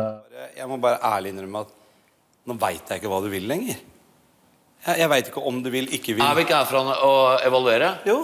Skal vi ikke evaluere? Jo. Hvorfor er det gærent at jeg tar opp Det er spørsmålet? ingen som sier at det er gærent. Jo, for nå Jeg vet ikke- jeg ikke hva du vil lenger. Nei, jeg veit ikke hva du vil med improen. Hva, hva vil du? Vil du ha Ok, det bort, eller jeg, ikke? Vi ble enige om å ta den bort. Så var det, kom det opp i dag at vi er for korte. Og så kom jeg på det han sa i går. Kanskje vi bare skal gjøre at jeg spør, stille, tar to-tre temaer, og at du kjører improen. At jeg, kjø, at jeg leder improen, at du gjør den. Så spør jeg skal vi gjøre det. Ja, sa vi. Det, er ikke noe, det var ikke noe sånn, Jeg kom ikke inn og sa jo, vi kjører improen likevel. Det er greit. Og nå, sitter, nå er vi jo her for å evaluere. Skal jeg ikke si noe, da, eller? Men uh, man kan tenke på hva man vil videre, da. Og hvordan man skal gjøre det. Og hvis det tas ut, så hvis Jeg er det tas ut, om at improen skal ut. Det, er, ve- det ble veldig klart bestemt i går. Ja, Det er ikke noe å diskutere. det det er ikke noe å være usikker på, for den skal ut. I hvert fall med meg i den bolken. Sturla, Sturla. Jeg skjønner godt din frustrasjon. Jeg skjønner veldig godt din frustrasjon. Jeg, vet det, jeg ble også frustrert av det. Vi har hatt hele dagen på oss til å si Vi, vi har visst vi er for korte. Det visste vi i går. Men vi valgte allikevel å ta den vekk. Nei, det, det holdt. Men vi, vi gikk rundt og var klar over det, og vi visste det hele dagen. Og det som stressa Tommy, tror jeg, og det stressa meg òg, jeg skal innrømme det, Sturla, er at det kommer opp forslag fra deg som ikke ville ha det i går, om allikevel ta det i dag fordi vi var for korte. Når var det vi begynte å snakke om det? Jeg kom opp der 11.30. Så sier jeg ja vel, greit, jeg har et kompromissforslag, da. Jeg kan gå inn og lede den improen. Det kan jeg gjøre i dag. Hvis vi nå mangler de ti minuttene. Det skal jeg gjøre. Jeg har ikke lyst, men jeg skal gjøre det. Og så kan han ta tre temaer. Dere sitter her og er nesten 120 år gamle. Og så klarer dere ikke å si Nei, Sturla, dette blir for stress. Nå, nå bare tar vi halvannet minutt hver. Det var et tilbud, for faen! Til tre voksne mannfolk.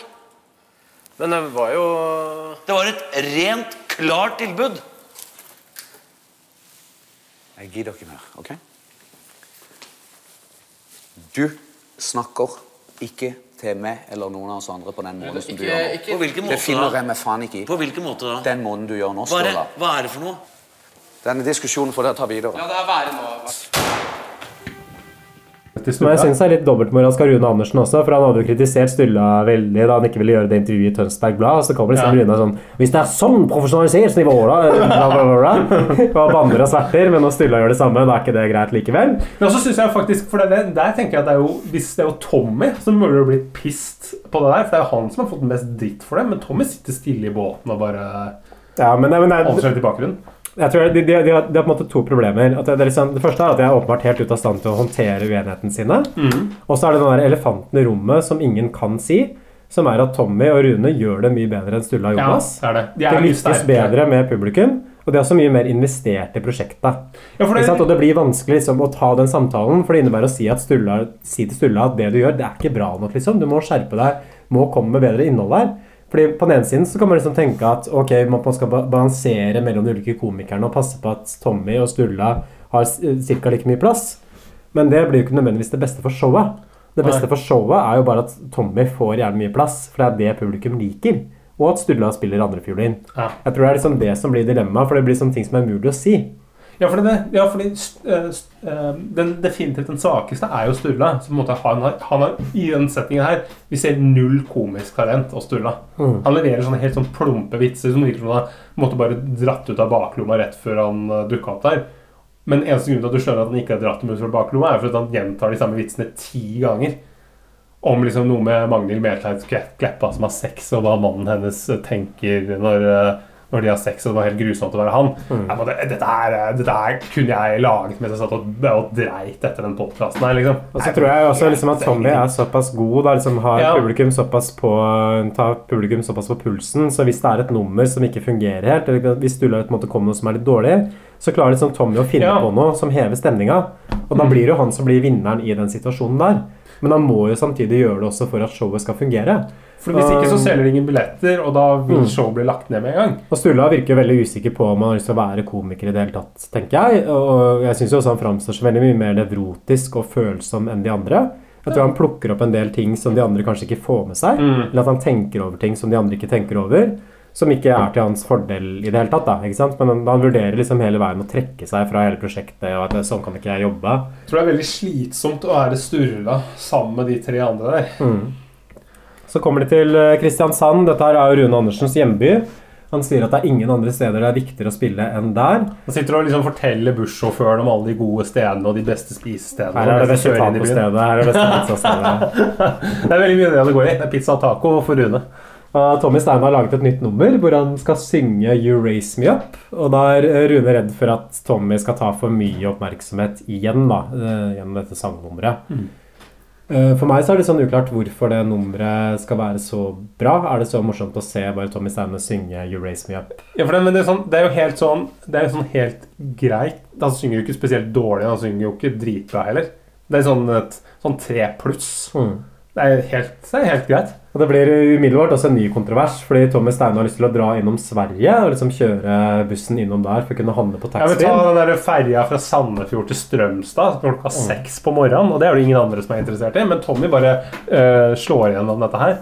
Og det eneste de får ut av dette her, er jo bare at Tommy får kjøpt seg liksom taxfree-greier. Han skal kjøpe noe greier til barna sine òg, ser du ikke det? Sånn, Ja. Hver gang pappa er i utlandet, så kjøper jeg noe greier. Vet du. Så kjøper jeg, jeg kjøpte en liten TV som vi har på kjøkkenet nede i stua nå. Altså en liten racerbil til Småen. Da er vi en høyttaler vi kan bruke i showet. Og resten av gjengen blir liksom Sikkert masse snus, da. utslitte av liksom den ekstra reiseruta, men Tommy er like energisk som alltid. Jeg, jeg syns det er en sånn spesiell type Tommy Steine. Ja, for det der hadde, ikke, hadde du satt pris på det? Ville du, ville du istedenfor liksom å kunne sove til klokka ti, eh, dratt klokka seks på morgenen for å få en liten tur innom Strømstad og den Color Line-ferje. Jeg tenker Hvis jeg er på turné, så ønsker man å minimere reisinga så mye som mulig. Og kunne heller ta det litt med ro. Så man trenger jo ikke å stikke inn for å kjøpe et tobakk og liksom brett med Pepsi Max eller hva annet man skal liksom Selv for deg som liksom koser deg med en sigg og sikkert kunne spart flerfoldige 100 kroner på den turen der. Ja, men jeg synes liksom med Tommy også, fordi Det er liksom vanskelig å sette fingeren på hva som gjør at han er så godt likt av det Ola Dunk-publikummet rundt om i Norge,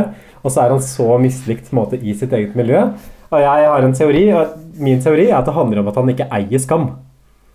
Han har ja, en liksom- men, men, men han, han, du ser jo at han, når han hopper, når han står og sliter med å hoppe, at han, at han, han skammer seg fordi at han ikke tør å gjøre det. Nei, jeg tror ikke det. Du tror ikke det? Jeg tror ikke det er skam. Det er at han overvinner henne sånn han er redd for høyder. frykten. Hvis han hadde vært skamfull, så ville han ikke prøvd. Nei, du, da ville han bare Unngått hele situasjonen. Ja, Ja. Og du vil ikke velte på 71 grader nord hvis du har høydeskrekk. Hvis du har skam. Da bare unngår man situasjonen.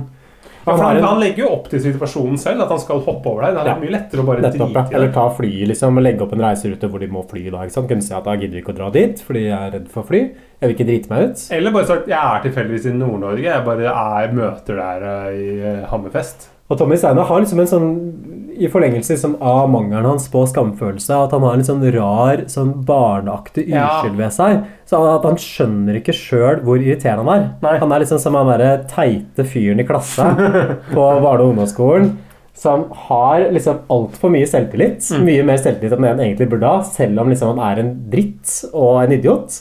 Og som han ønsker liksom at du burde jekke deg ned på det, fordi du er ikke kul nok. Mm. Men som blir umulig å jekke ned, for de Ja. har en eller annen sånn grunnleggende selvtillit. da og han, virkelig liksom, han skjønner ikke hvorfor folk i det hele tatt kan synes at han er irriterende. Nei. Eller han bare velger å ikke bry seg om det, og så får han det liksom til.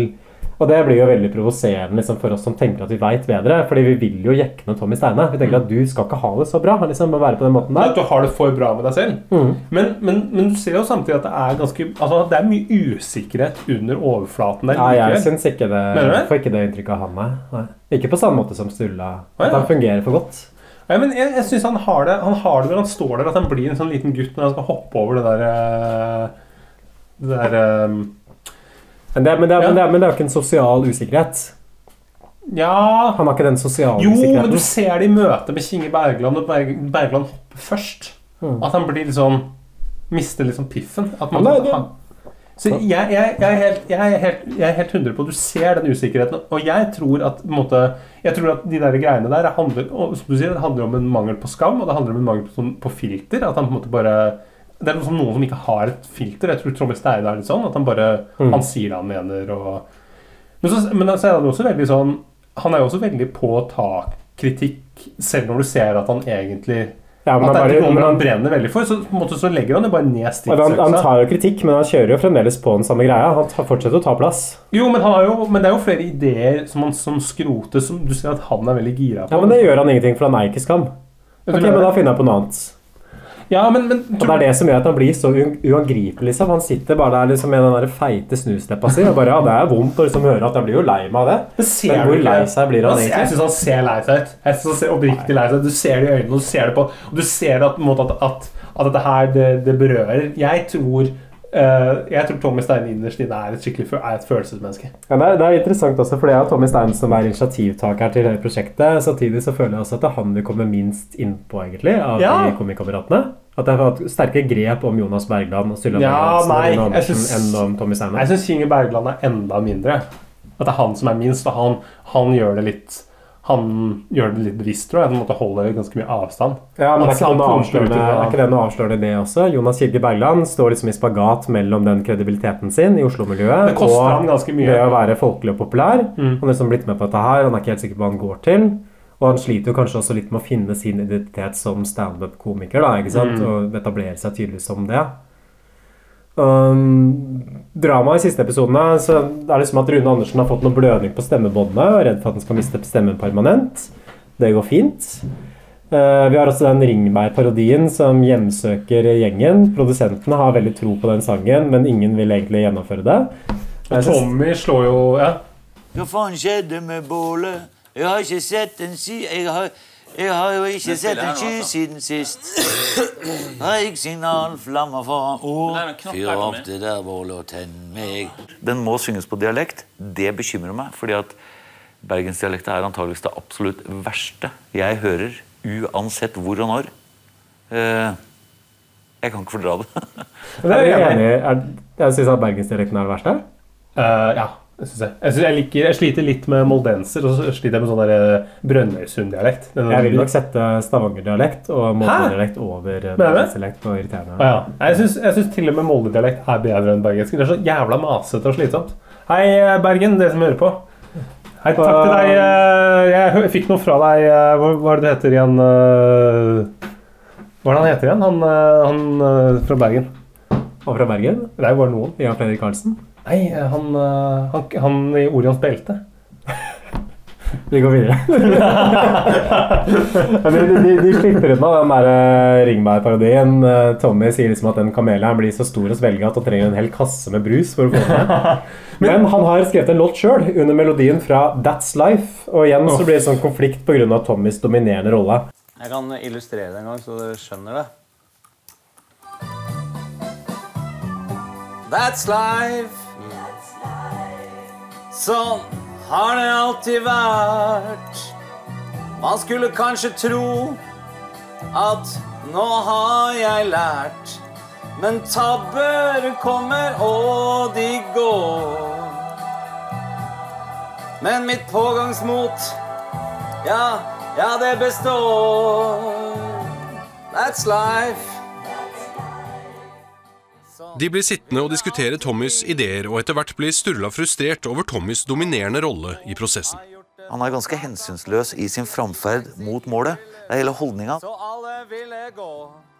er klart, Hadde jeg brent like mye for dette prosjektet som Tommy, så hadde jeg jo helt sikkert kommet med en del ting, jeg også. Men, men det blir sånn, det blir sånn dampveivalsfølelse at den kommer aldri helt Jeg kommer ikke helt overpå. Jeg skjønner ikke helt hva som er greia liksom, med at han skal drive og synge hele tiden. Nei, Sånn- er, han er det så gøy, liksom? Nå har jo sunget sammen med Jan Werner i et sånt show. Og Sturla hisser seg opp og driver og ranter til prosenten. Han mener at de ikke jobber kreativt sammen. Tommy bare prater hele tiden. Faen eller jeg har hatt liv. Jeg gidder liksom ikke å være med på en sånn prosess hvor jeg blir overkjørt. Men jeg syns liksom at Sturla kan skylde seg sjøl der også. Det diskuterte jo innledningsvis her at de ikke hadde med seg noen ideer til Farris-seminaret i Larvik. og nå Men i hvert fall her liksom burde man ha med noe. Da. Ja, og så jeg. da begynne å klage på at Fordi det er der jeg tror at Tommy kommer inn. At Tommy, som du sier, han ser at uh, her trengs det ideer. Jeg har ideer. Da kjører jeg på med dem for showet skal bli best mulig. Han, han, tar et, han, Han føler at han tar et kollektiv. Ja, han, Mm. Han, tenker ikke, han tenker ikke på at eh, for noen så kan dette bli liksom slitsomt, at jeg har alle ideene. Men det kan jo være vanskelig. Jeg har vært litt i den, den situasjonen Ja. sjøl også. Sånn der, hvis man tenker hvis man har en god idé for å gjøre et produkt bedre, og så veit man at det kan bli sosial konflikt fordi man liksom tar for mye plass, Mm. kjører man da på med den ideen, eller må man være og si noe fordi man ikke har lyst til å tråkke noen på tærne? 50-50 for meg, merker jeg. Ja, jeg er mer sånn 70-30 at jeg kjører på. Altså, jeg, jeg føler litt Tommy her, liksom. At man må liksom være opptatt av at man skal lage et produkt for de som er i salen. Ja, og det er hva folk på scenen mener, er litt sånn sekundært. At vi er liksom profesjonelle her. Og hvis ikke folk er villige til å komme med sine ideer, så um, fuck them, liksom. Da, Kanskje dette spiller at, måte, du at gjør viktigere ting. Du og Tommy Steine gjør viktigere ting enn det jeg gjør. At, at det er derfor. At jeg har ikke det samme hvis, Men hvis jeg hadde vært Tommy, så hadde jeg tenkt at dette her Ja, det- må det- lage et godt produkt. Folk betaler for å komme og se det. Vi må lage dette bra. Og hvis dere ikke har noe, så kommer jeg med mine ting. Men kanskje åpna litt for at jeg har vært litt tilbakeholden og sagt ja, har dere noe, hva har du, Sturla? Og så når de ikke sier noe, så kommer med min idé. Ja, men det blir jo en sånn negativ spiral også. ikke Ja. sant? Fordi Problemet deres er liksom at Tommy har så ekstremt mange visjoner og er, har såpass gode ideer. Ikke som jeg syns er gode personlig, Nei. men som funker det for publikummet deres. Ja, han treffer Jeg tror han er god til å lese publikummet. Og, han, øh, og de andre her er jo Sturle er jo fallert som komiker. Han har, har ikke dritt på den scenen å gjøre. Uh, virker det i hvert fall som. Det er jeg enig ja. Ja. Han har ingenting der å gjøre. Rune Andersen vet jeg, det er litt utenfor hans Jeg skjønner ikke helt hva han gjør i den settingen. Han burde bare drive de der Hellstrøm-parodiene sine og surre rundt. Og Jonas Kinge har jo, burde holde seg i Oslo. Jeg tenker liksom Hvis jeg skulle rangert dem, så ville jeg tenkt Bare basert liksom på hvem som lykkes best med å sette opp et komishow, så folk digger liksom i Harstad. Da er Tommy Steine klart nummer én. Garantert. Ja, og så har du ganske lang vei, vei ned til andreplassen, som er uh, Rune Andersen.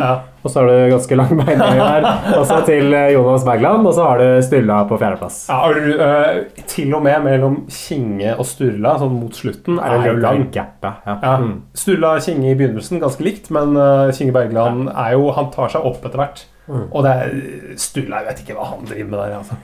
Jeg syns synd på han. At det er ja, altså. åpenbart at han Han får nesten en litt sånn identitetskrise i løpet av Mm. dette programmet. her At han skjønner på en eller annen måte at dette her er ikke et yrke som jeg lenger klarer å utføre. Det er det du merker. Det er litt som, det er litt som en, øh, en hjelpearbeider på byggeplass som har havnet i rullestol. At måte, han bare han måtte, underveis når han prøver å rulle opp liksom inn i åttende etasje på en betongbygning uten heis, så innser han at her har ikke jeg noe å gjøre. Jeg må nok Mm. legge det fra meg. Jeg må finne på noe annet å gjøre. Ja, det er tungt, ikke sant? hvis man tenker liksom identiteten. Men man blir måte konfrontert med Tommy Steine, som er sånn superpopulist. ikke Mm. sant? Og som Si hva du vil om han personlig, men han kan faen meg få folk til å le. altså, rundt omkring i Ja, Liksom, til alt det han holder på med, det får jo så god respons. Til og med dette liksom sangnummeret med You Raise Me Up, at folk tar jo helt av. liksom, Står med lighteren i været og står liksom og, og synger med. Folk elsker det. Reiser seg liksom med stående applaus. Men, men, men Jeg syns det ikke er bra, ikke men jeg Nei. ser jo at re- rein sånn kommersiell verdi, da? Rein sånn for, for å liksom please folk, så tenker jeg at Tommy Steine er ubestridt. Men syns du ikke Jeg syns jo noen ganger når han er på sitt mest cocky, eh, og, så, ser du liksom det der litt sånn selvironiske i øynene hans, at det er eh, At det faktisk er ganske bra. At jeg tenker dette er ikke så dumt. Altså, det som han tar litt på sparket, som er litt sånn eh, at han, er, at han, han, kunne en, han kunne vært en god konferansier. Mm, Eh, Kanskje, ikke som, kanskje ikke som Han har en karisma tilstedeværelse, åpenbart. Ja, han er helt med. Og, det, og han har en helt sånn tydelig personlighet, og du vet litt han, han er sånn både forutsigbar og uforutsigbar på samme tid. Mm. Det liker jeg med, med Tommy. Du får mye bedre inntrykk av Tommy etter denne dokumentaren. Vi kan jo gå videre til avslutninga her. Ja. fordi Da kommer vi jo til dette lattershowet. eh, Showet på, på Latter i Oslo. Og Da går det liksom gjennom hvordan de ulike folka har vokst da, underveis i prosessen. Og Jonas Bergland sier at han har blitt mindre arrogant og mindre dømmende. At han sier eksempel at han trodde at Sturla var en grunn person, men har lært seg at han egentlig er ganske reflektert. Som er samme inntrykket som jeg sitter igjen med. Sturla har fått mer forståelse og respekt, og Rune Andersen også har blitt mer nysgjerrig og åpen. Mens Tommy Steine føler at folk har fått mindre skepsis til ham personlig. Så han er kanskje Ja! den eneste som er liksom interessant vri der, fordi de andre på en måte sier at ja, vi har endra måten vi ser på andre, Mm. mens Tommy Steine at folk har endra syn på meg. Og det, det er avslører kanskje litt det som var motivasjonen hans i utgangspunktet. Mm. Han ønska å få litt bedre rykte og rehabilitere seg sjøl i standup-miljøet, tror jeg. Så der har, du, faktisk, der har du jo rett i det der med at Det, det bekrefter din teori da, om at han har vært med for å renvaske seg, og at vi egentlig ikke blir kjent med Tommy Det er Steine. ikke noe, på det er ikke noe voldsomt han, han er den personen som vokser minst på dette her Ja. personlig. Og det, det er mer sånn at han liksom har klekket ut en plan, og så har den planen fungert sånn som han ville at den skulle fungere. Og jeg syns han framstår som ganske sånn kalkulerende og egoistisk og litt sånn selvsentrert. Ikke nødvendigvis på en sånn ondskapsfull måte, men mer bare at det er sånn han er. Liksom. Mm. At han er en litt sånn selvsentrert person. Men, fordi, men det, er det, det er det jeg tror at når vi ser dette her, at med Tommy Steine så får vi, vi får, Dette er Tommy Steine. Det er en fyr med litt sånn snowboardklær som elsker å ta med seg gutta ut og kjøre raske biler i Drammen. Altså, det er Eller som noe liksom det tøffeste han vet, er å ta den Color Line-ferja over til Strømstad og kjøpe billig elektronikk. Ja, men fordi det, det er interessant hvis vi i det Natt og Dag-intervjuet hvor Atle Antonsen kom med disse uttalelsene om Tommy Steine, så sier Antonsen det at Tommy Steine, hvis han ikke har bruk for deg, så er det null verdt for ham. At det er en user. ikke sant? At det, det er liksom noe av grunnen til at han har fått så dårlig rykte. Mm. Og jeg syns jeg ser det litt også i den serien her, fordi han mens de tre andre liksom snakker om at de har på en måte fått et mer sånn åpent og sympatisk blikk, kanskje særlig på Tommy Steine. Mm. Han er den eneste personen som ikke har liksom endra sin mening om de andre deltakerne. Og det, det kan jo være liksom logisk Ja, også. men- men- For det var han som liksom satte dem sammen i utgangspunktet, så han må jo ha hatt en eller annen slags respekt. Han har, men du merker jo måten han snakker til Rune Andersen Selv når Rune Andersen er så kritisk til Tommy Steine og bare liksom ignorerer han hele tida, så kommer jo, er jo Tommy Steine liksom ganske imøtekommende likevel og, og på. Hva tenker du om den scenen hvor han er med barna sine? Hvor han liksom får barna til å si sånn 'Jeg elsker deg' To ganger. Og mm. dette er en spesiell dag for pappa, for i dag skal han gi dere to klemmer. Ja, fordi i dag så er det premiere for pappa, og da får dere to klemmer. Dere skjønner jo, fordi jeg har tatt dere opp såpass tidlig, ikke sant? at det blir litt ekstra frokost nå fordi jeg har premiere i kveld. At det er jo selvsentrert. At det er veldig sånn at barna Ja, liksom statister men- i hans liv. Det avslører det. Ja, det er jo det er, Ok, men, men samtidig så er det sånn Det er litt, en, Enten så er han bare en bedre skuespiller enn det, det jeg tenker. Men jeg syns han, han sitter der liksom, Han er ganske sånn han, det, er ikke, det er ikke denne tøffe Tommy som du ser ute. Er, han er veldig rolig med barna. Sitter der, liksom spiser frokosten. Virker, liksom, virker som at han bryr seg Ok, nei, okay nerver og sånn, jeg slår meg som en fyr som jeg syns han framstår litt sosiopatisk, egentlig. Hæ, En person som bruker personer rundt seg. Ja. Mm. Det vil jeg si. Også det er liksom at han er såpass uberørt også av de konfliktene at det liksom er så lett for han å legge ting til side for at han bryr seg ikke så veldig mye. liksom hva andre folk syns. men gjør så han kan, han ta, det? kan ta den kritikken Ok, jeg tar for mye plass. Det tar jeg inn på meg. ikke sant? Jeg føler meg, jeg vil ikke lage noe krangel. Og så kommer jeg like etter og liksom setter i gang en sånn sangnummer, That's Life, selv om han vet liksom Han kunne jo tenkt litt på, mer på de andre. Ja, men det, det er enig. i. At han, på han tar den kritikken Det skjer ikke så veldig mye med den. Men samtidig så altså, er det jo kan også mye underveis man legger vekk. Som man bare, hvor, han bare, hvor han bare skal Og så syns jeg han er ganske god til å prøve å eh, rette opp den dårlige stemningen igjen etterpå. Jeg opplever at det er noe genuint når han, når han legger seg flat og sier at uh, og han sier at, han- sier at han blir lei, tar seg nær at han blir lei seg. Men hvor, hvor jeg- dypt stikker det, egentlig? jeg syns det ser ut som at han blir lei seg. Og jeg tror at Tommy Steiner er en sånn fyr som måtte ha har hatt, uh, hatt mye dritt, og som eh, Og så at det er, det er litt mer under overflaten der. At måte, det, er, det, er liksom, det er en litt trist figur i, under der, som har hatt det vanskelig. Ja, Da får vi bare være enige om å være uenige. Så vi kan jo kanskje ta en sånn personlig rangering på slutten av episoden. Hvem liker vi best og verst Ja, av disse ulike folka. Men, men før vi kommer så langt, så må vi jo snakke litt om showet på Latter. Det ble en suksess. Ja, eh, Jonas Bergland sier etter eh, forestillingen at det utvilsomt var karrierens høydepunkt fram til nå. Mm. Eh, Tommy Steinen begynner å grine. VGs anmelder var mer lunken. Eh, siterer De kunne med fordel ha jobbet en god del mer. Her er skuffende lite som utstråler overskudd og sjansetaking fra det som skal være fire av våre morsomste menn. Ingen av dem er spesielt glade i å dele oppmerksomhet med andre. Den påtatte jovialiteten dem imellom er lett å gjennomskue. Tommy Steine, komikernes egen plumbomann, lirer av seg pinligheter fra oss gutta, blottet for takt, tone og hjertelag, som en annen pubgjest rallen i en krok. Wow. Uh, anmeldelsen eh, ble, fikk til slutt terningkast tre. Det er kanskje ikke det inntrykket som man får av å se TV-serien, for da framstår dette her som at ok, nå har liksom et nytt samarbeid blitt smidd. Men jeg synes jeg for første gang du merker det der eh, Den siste episoden så merker du det her at det er litt sånn tilgjort. At, eh, um, at man må lage en, man må lage en, slags, sånn, eh, en slags avslutning. Man må avslutte dette her. Og da, da, får, man, da får man den der oppsummeringen av måte, hva folk har lært, og at eh, eh, hva jeg har lært av meg selv. At, måte, at jeg har, Rune Andersen sier f.eks. at det er liksom, jeg er, er litt for lite optimistisk, og jeg på en måte sliter med at jeg graver meg litt ned. Og jeg liker, jeg liker Tommy, for nå har han blitt mye roligere. og Jonas Kinge Bergland er mer med, og Sturla sutrer mindre. Du får den herre ikke sant? At måtte, nå, nå, skal, nå skal vi lage en Nå skal vi lage den der suksessfortellingen. om at- Ja, happy ending. Det er litt vanskelig på midten der, ikke sant? men Mm. de siste par episodene er veldig positive. Og ja, og vi har brakt oss sammen. og Det danner grunnlaget for et, eh, et 100 år langt samarbeid mellom oss komikamerater. Jeg tenker at det er litt sånn Stockholm-syndrom også, fordi de tenker sjøl at dette showet her er bra, for de har vært gjennom en veldig vanskelig prosess for å komme seg dit. Så det er fordi at vi har Er investert såpass Ja, vi har investert såpass mye i dette her. Det er et Eller annet sånn syndrom, dette her. Buyers remorse, da, kanskje. Eller- ja. At man har liksom investert Sunken cost fallacy, kan man liksom investert veldig mye i det, og da tenker man også at det er bra, fordi hvis ikke så må man liksom revurdere hvorfor ga jeg så mye for dette her i utgangspunktet. Så i dag så gjør vi vårt viktigste show så langt i Komikameratene sin historie.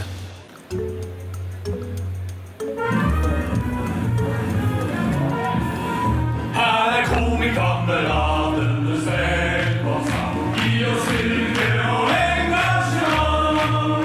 Alle legger seg flat. god er komikamerat.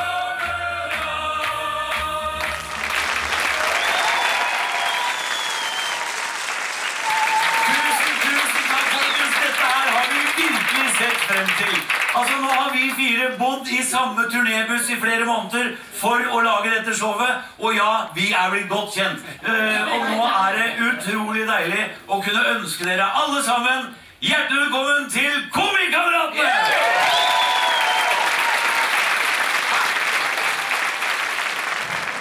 Ah. Sinnssyk åpning. Vi har hatt. Ja, Har du, eh, det som også er veldig gøy, er at eh, før showet så, skal vi jo, så snakker de jo med publikum som står utenfor. Mange kjente fjes.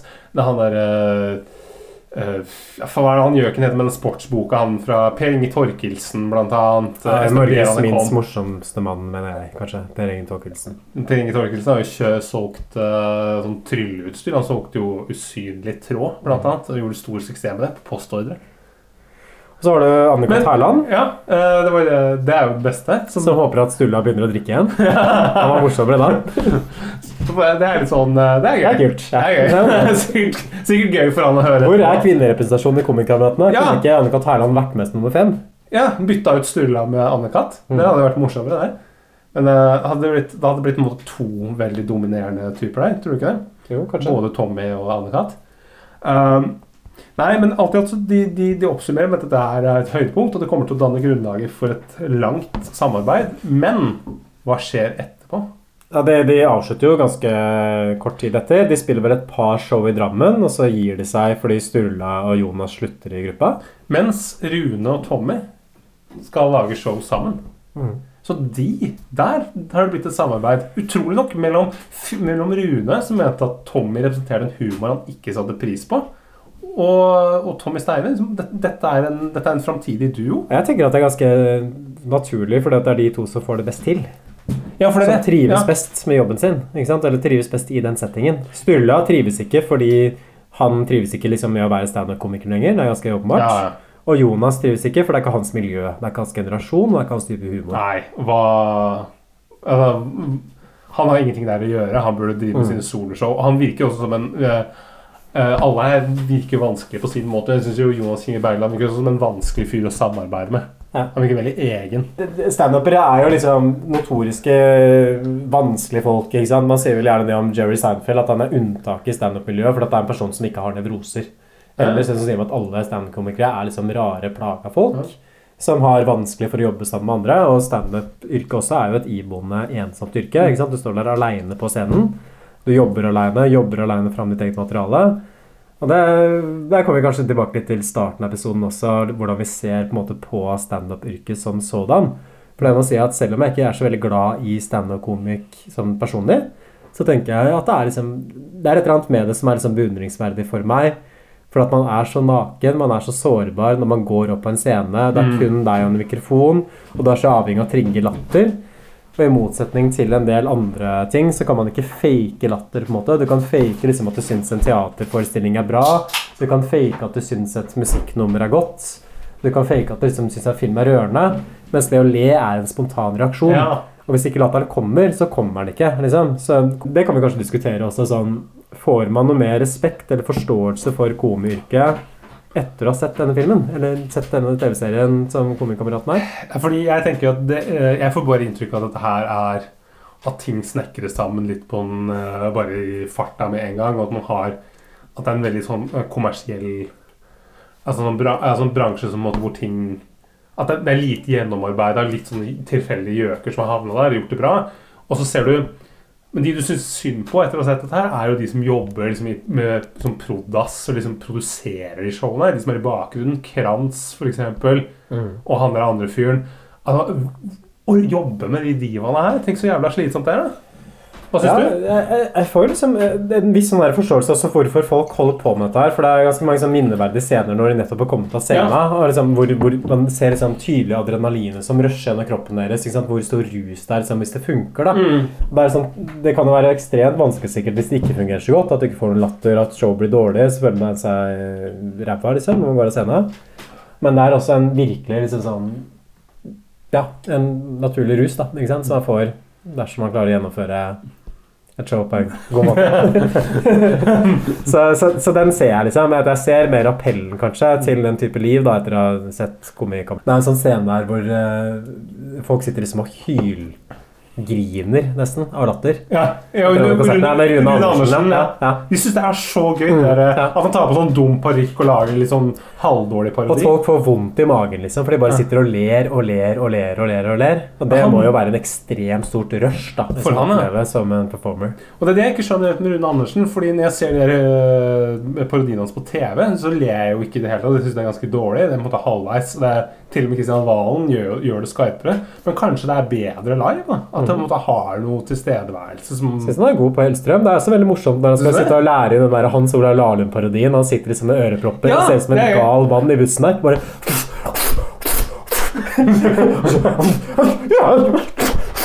Og prøver å liksom lære seg parodien inn og ut. Olav Lahlum.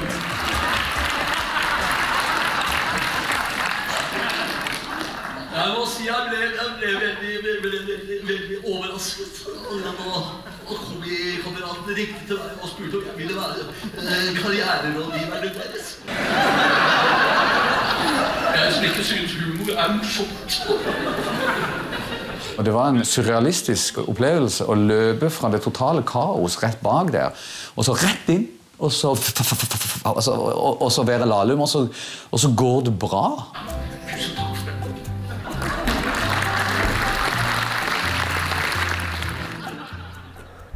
Men skal vi, Har du noe mer å si, eller skal vi sette Vi, skulle, vi, må jo, vi må rangere hvem vi Stemmer det. For det, hele, publikum, alle de unge lytterne, sitter jo og venter på hvem de syns er kulest av Sturla Berg Hansen eller Tommy vi, skal, Steine. vi, skal, vi, skal vi ta Du sier din fjerdeplass først. Jeg Ja. sier min fjerdeplass. Du sier din tredjeplass.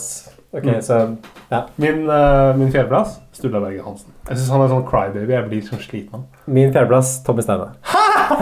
Tuller du nå? Nei. nei. Hæ? Jeg skjønner ikke at det er mulig. Uh, min tredjeplass er nok uh, Rune Andersen. Jeg er enig. Oi, det var jo litt Ok, så vi treffer der. Ja. Uh, ok, ja, da vet vi jo hva andre er. Andreplass, ja. Jonas Kinge. Ja, det er jeg enig i. Jonas Fordi Bergland. eh, Ja. jeg synes han er litt Han er sånn IQ-smart for meg. Han er litt sånn derre ja, altså, jeg syns han er veldig nedlatende mot disse her. Som jeg faktisk har litt sånn Jeg har jo på mange måter også respekt for det de gjør. Både sånn, I hvert fall Rune Andersen og Tommy Steine får jo salen til å le. De skjønner hva som funker. Det er noe sånn Ja, de har en, en annen feeling på ting. Mm. For meg. Nummer én. Én, det, det, det er jo opplagt nå. Ikke sant? Jeg sier jo Sturla Berg Hansen, og du sier Tommy Steine. Ja, det kan du forklare, jeg kan jo forklare. Altså, eh, da jeg skrudde på dette her første gang, så tenkte jeg at eh, jeg hadde lite sans for Akkurat som Rune Andersen, lite sans for Tommy Steines humor. Etter å ha sett det, så tenker jeg at Tommy Steine er på en måte Han, han Det er en, en litt sånn frisk pust, en litt sånn uh, cocky fyr som på en måte er uh, litt direkte, litt sånn litt drittsekk. Men samtidig, det er noe i bunnen der. Jeg, jeg ser liksom det er det er en usikker fyr, lille Tommy, som sitter inni der. Måtte ha hatt det vanskelig og, og sliter. Uh, sier 'jeg elsker deg' og gir klem til barna sine. Det er måte, jeg, jeg, blir litt, jeg blir litt rørt av Tommy. Jeg står på stupet, hopper. Eh, og på en måte, han, han har høydeskrekk, gjør det likevel. Jeg kjøper det. Tommy Steine. Hvis du, hvis du liker usikkerhet, så liker du ikke Sturla Berg Hansen. Jeg synes det er sånn merkelig å skjønne det der, fordi Sturla Berg Hansen er jo nevrosenes mann. Ja, men han, er jo blir så sliten av, av Sturla, for han, han er så Og han, han kommuniserer så dårlig. Det, måte, det er så tydelig Sturla burde ikke være Burde ikke være her. Han burde være lede Deal or No Deal eller Sommerhytta på TV 2. Jeg føler at det liksom, Denne diskusjonen her oppsummerer veldig godt liksom forskjellen mellom oss. Jeg vi er veldig enig sånn når det kommer til midten, med Rune Andersen og Jonas Bergland. Der er vi liksom helt på nett. Men vi er helt sånn diametralt motsatte ideer om hvem skal være på Men du sier jo at eh, Tommy Steinar er psykopat. Det synes jeg er jo helt du kan ikke Sosiopat. Sosiopat. Det er ikke det samme. Ja, og framtre som en sosiopat. Han skal ikke, si, er skal ikke bli få inn i kan ikke, kan, du kan, kan ikke sitte, sitte og si det her på Norges mest populære filmpodkast. Det går ikke. Tenk, uh, telefonen kommer til å kime fra liksom både VG, Dagbladet og klikk.no i morgen. Terningkast? Uh, seks. Dette er så god TV, og jeg, bare, jeg anbefaler alle der ute som vurderer hva skal jeg skru på nå. Jeg kjeder meg. Hva skal jeg skru på til helga? Se Komikameratene. Finn en god, Ta med en venn, en venninne eller uh, hva som helst. Sleng deg foran sofaen, eh, på sofaen. Ikke foran. Gjerne òg, på noen puter foran. På, og se på Komikameratene. Der er vi i hvert fall enige. Takk for oss. Ha det! Ha det! Hva er greia med Reiser meg på nytt og setter nesa i sky. That's life. Sånn er det jo for oss. Prisen du betaler for å prate som en foss. Men ingen av oss angrer på det som har fått oss til å stå her nå.